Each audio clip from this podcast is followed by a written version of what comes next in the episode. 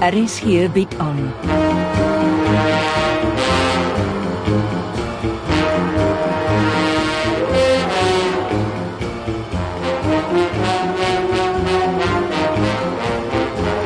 Agendas deur Jo Kleinhans.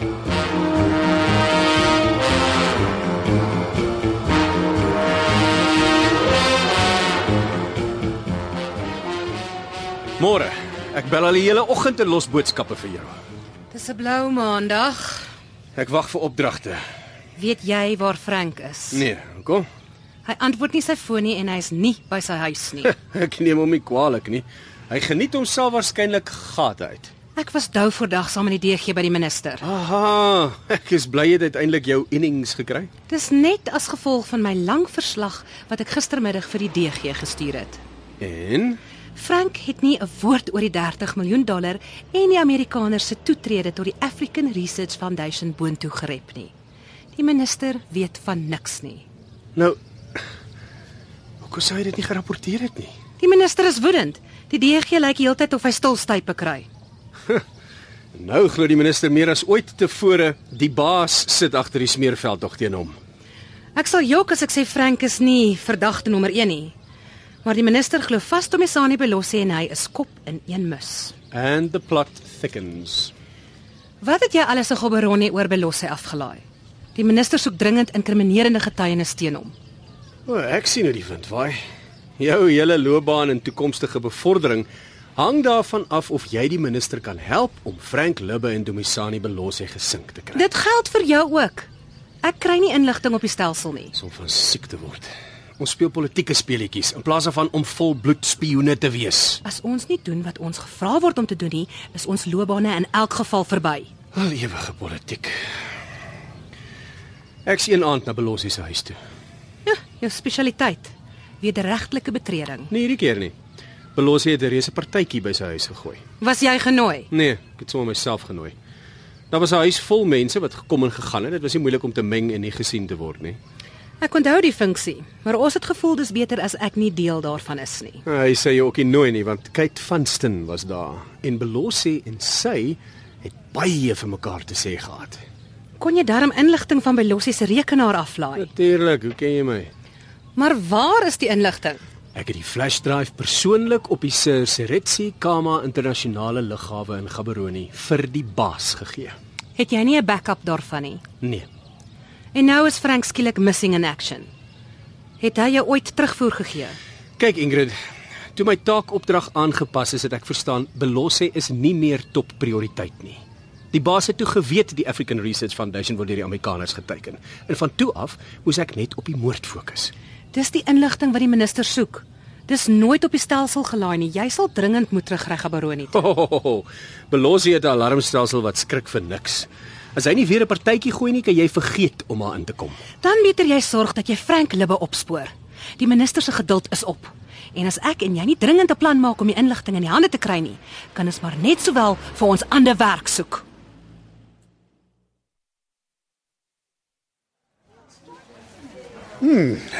Middagete in die La Madeleine restaurant. Ag, mens raak moeg vir hotelkos. Praat jy.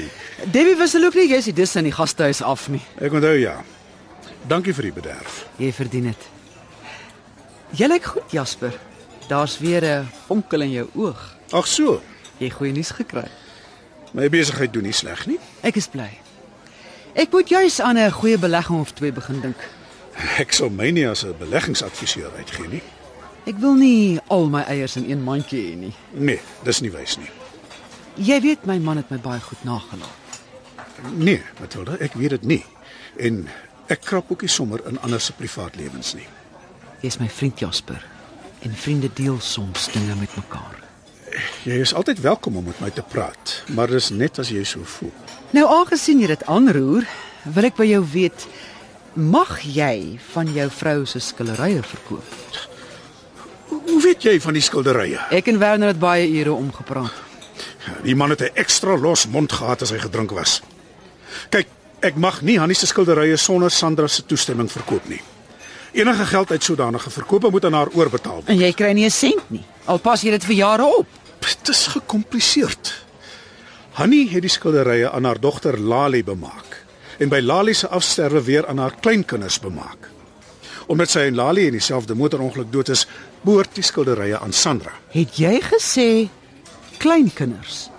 As, as ek reg onthou, is dit hoe dit in haar testament staan. Onthou Hannie se testament is baie jare gelede opgestel. Besef jy as Werner Klein Nielsen se pa is, maak dit hom ook een van Hannie se kleinkinders. Ek weet nie hoe die wet dit sal interpreteer nie. Sandra moet eenvoudig vir DNS toetsing gaan Jasper. Hoe kyk jy eendag vir Hannie in die oog as sy moet weet jy het haar 'n kleinkind ontneem? En Sandra het nie die reg om Nielsen te ontneem wat hom wettiglik toekom nie. Dis nie haar besluit nie.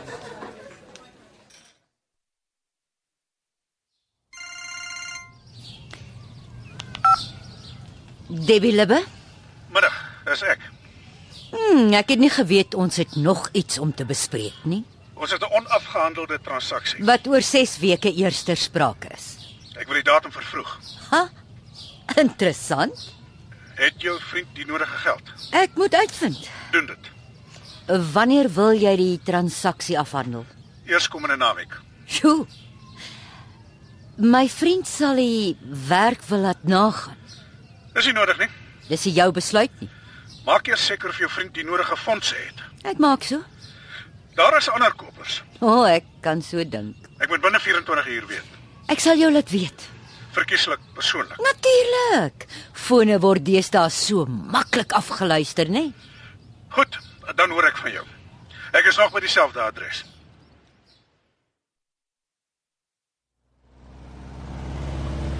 Die vrou is van haar kop af. Ja, ek eh, ek het weer na ouma Hanni se testament gekyk. Ek gee nie om wat daarin staan nie. Nielsen Veldsmann was nie deel van ouma Annie se bedoeling nie. Die vraag is, hoe gaan die wet die saak interpreteer? Die woord kleinkinders, meervoud, staan lewensgroot in haar testament. Die kleinkinders wat uit haar kind Lali gebore is. Dis soos ek en jy dit wil sien. Maar wat sê die hof? Wat 'n hof. Die saak gaan nêrens nie. Sandra, ek het vanmiddag ek het onheil in Matilda se oë gesien. Nou wat soek oupa by die ou heks? Sy het my vir ete genooi. Dis om naby oupa te kom. Om aan jou siel te knaag tot jy ingee. Die vrou is op 'n missie en sy het geld. Ek is lus en loop haar storm en vertel haar haar fortuin. Dit gaan net vet in die vuur wees. Ek weet haar dringende aansoek om weer vir Nielsen te mag sien dien Vrydag voor die hof. Draak my nie. Niks met my te doen nie. Ek hoop nie dis die eerste van meer as een hofsaak nie. Wat bedoel oupa? Iets gee my die idee die vrou gaan haar pad in die hof ooppaklei tot sy gekry het waarop sy dink sy geregtig is. Dankie. My gunsteling tee. Wat pla? Jy het nie sommer net by my kom tee drink 7 uur op 'n maandag aand. Ek wou jou gas storm geloop het. Matilda. Sy's die hele dag al uit. Kom aan. Wat nog? Sandra? Jy het baie nou met my pa saamgeleef. Is ek nou onder kruisverhoor? Weet jy, Matilda glo vas my pa is Nielsen se pa. Ja, ek weet dit nogal al te goed. Dit was een van jou pa se groot kopsere. Is dit waar, Debbie? Jou pa het nie so geglo nie. Maar hy wou ook nie vir DNS toetsing gaan nie. Dis die eintlike rede waarom Matilda hom dag en nag verpes. Knaande vrou. Ek begin so stadig aan verstaan waarom Neil so renonsens se skoonma het. Weet jy wat het Neil my in Londen vertel? Nog 'n bietjie tee. Ek skink maar, dankie. Neil het vasgeglo Jolandi se pa het op haar liggaam afgekom. Maar omdat Matilda van Wyk bang was haar man word van die moord verdink, het sy vertel dis sy wat op haar dogter se liggaam afgekom het. Daarom het sy in die hof getuig en nie Jolandi se pa nie. Ek weet van die gerug. Jou pa het ook daarvan geweet. En toe getuig madame van Wyk. Sy was seker dis Neil se motor wat van die huis af weggejaag het. Hm, dis haar einste verklaring wat tot Neil se arrestasie gelei het. Maar hy was in San City. Volgens die polisie het hy eers na die moord daar ingeboek. Die presiese tyd van Jolandi se dood was een van die groot twispunte in die verhoor. Ek het nie die hofsaak dag vir dag gevolg nie. Die probleem was al die ligversorgers in die huis was aangeskakel. En die huis was amper yskoud. Wat dit moeilik gemaak het om die presiese tyd van haar dood te bepaal. Onvangs by die gim het haar laaste lewend gesien, omtrent 2:00 die middag. Half 5 het Matilda op haar dogter se lijk afgekom en die polisie gebel. Mm, Jolandi moes 'n kuiergas gehad het. Daar was 2 glase op die tafel. En haar moordenaar? Nou, op 'n stadium het Matilda jou pa daarvan beskuldig dat dit hy was wat daar by Jolandi gekuier het. En haar toe geskiet het omdat hy wou keer die waarheid oor Nielsen kom uit. Geen wonder my pa kon nie oor sy drankprobleem kom nie. Ek weet nie of Matilda van Wyk tot moord in staat is nie, maar dat sy tot die bitter einde sal veg en sal vuil speel om te kry wat sy dink haar toekom, daaraan twyfel ek nie vir 'n oomblik nie.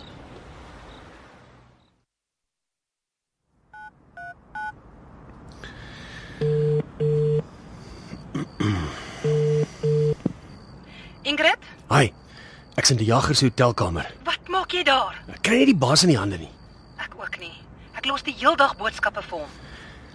Die jager en Belossie is kop in een mus, nie die baas nie. Jy raai.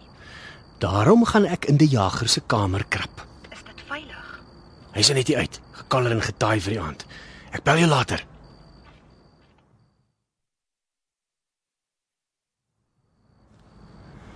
Asai. Ah, Dit werk altyd.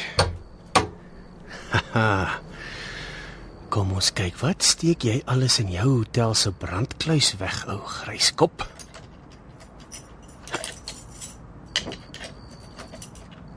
As iemand by die deur. Hier's iemand met 'n sleutel vir die jager se kamer.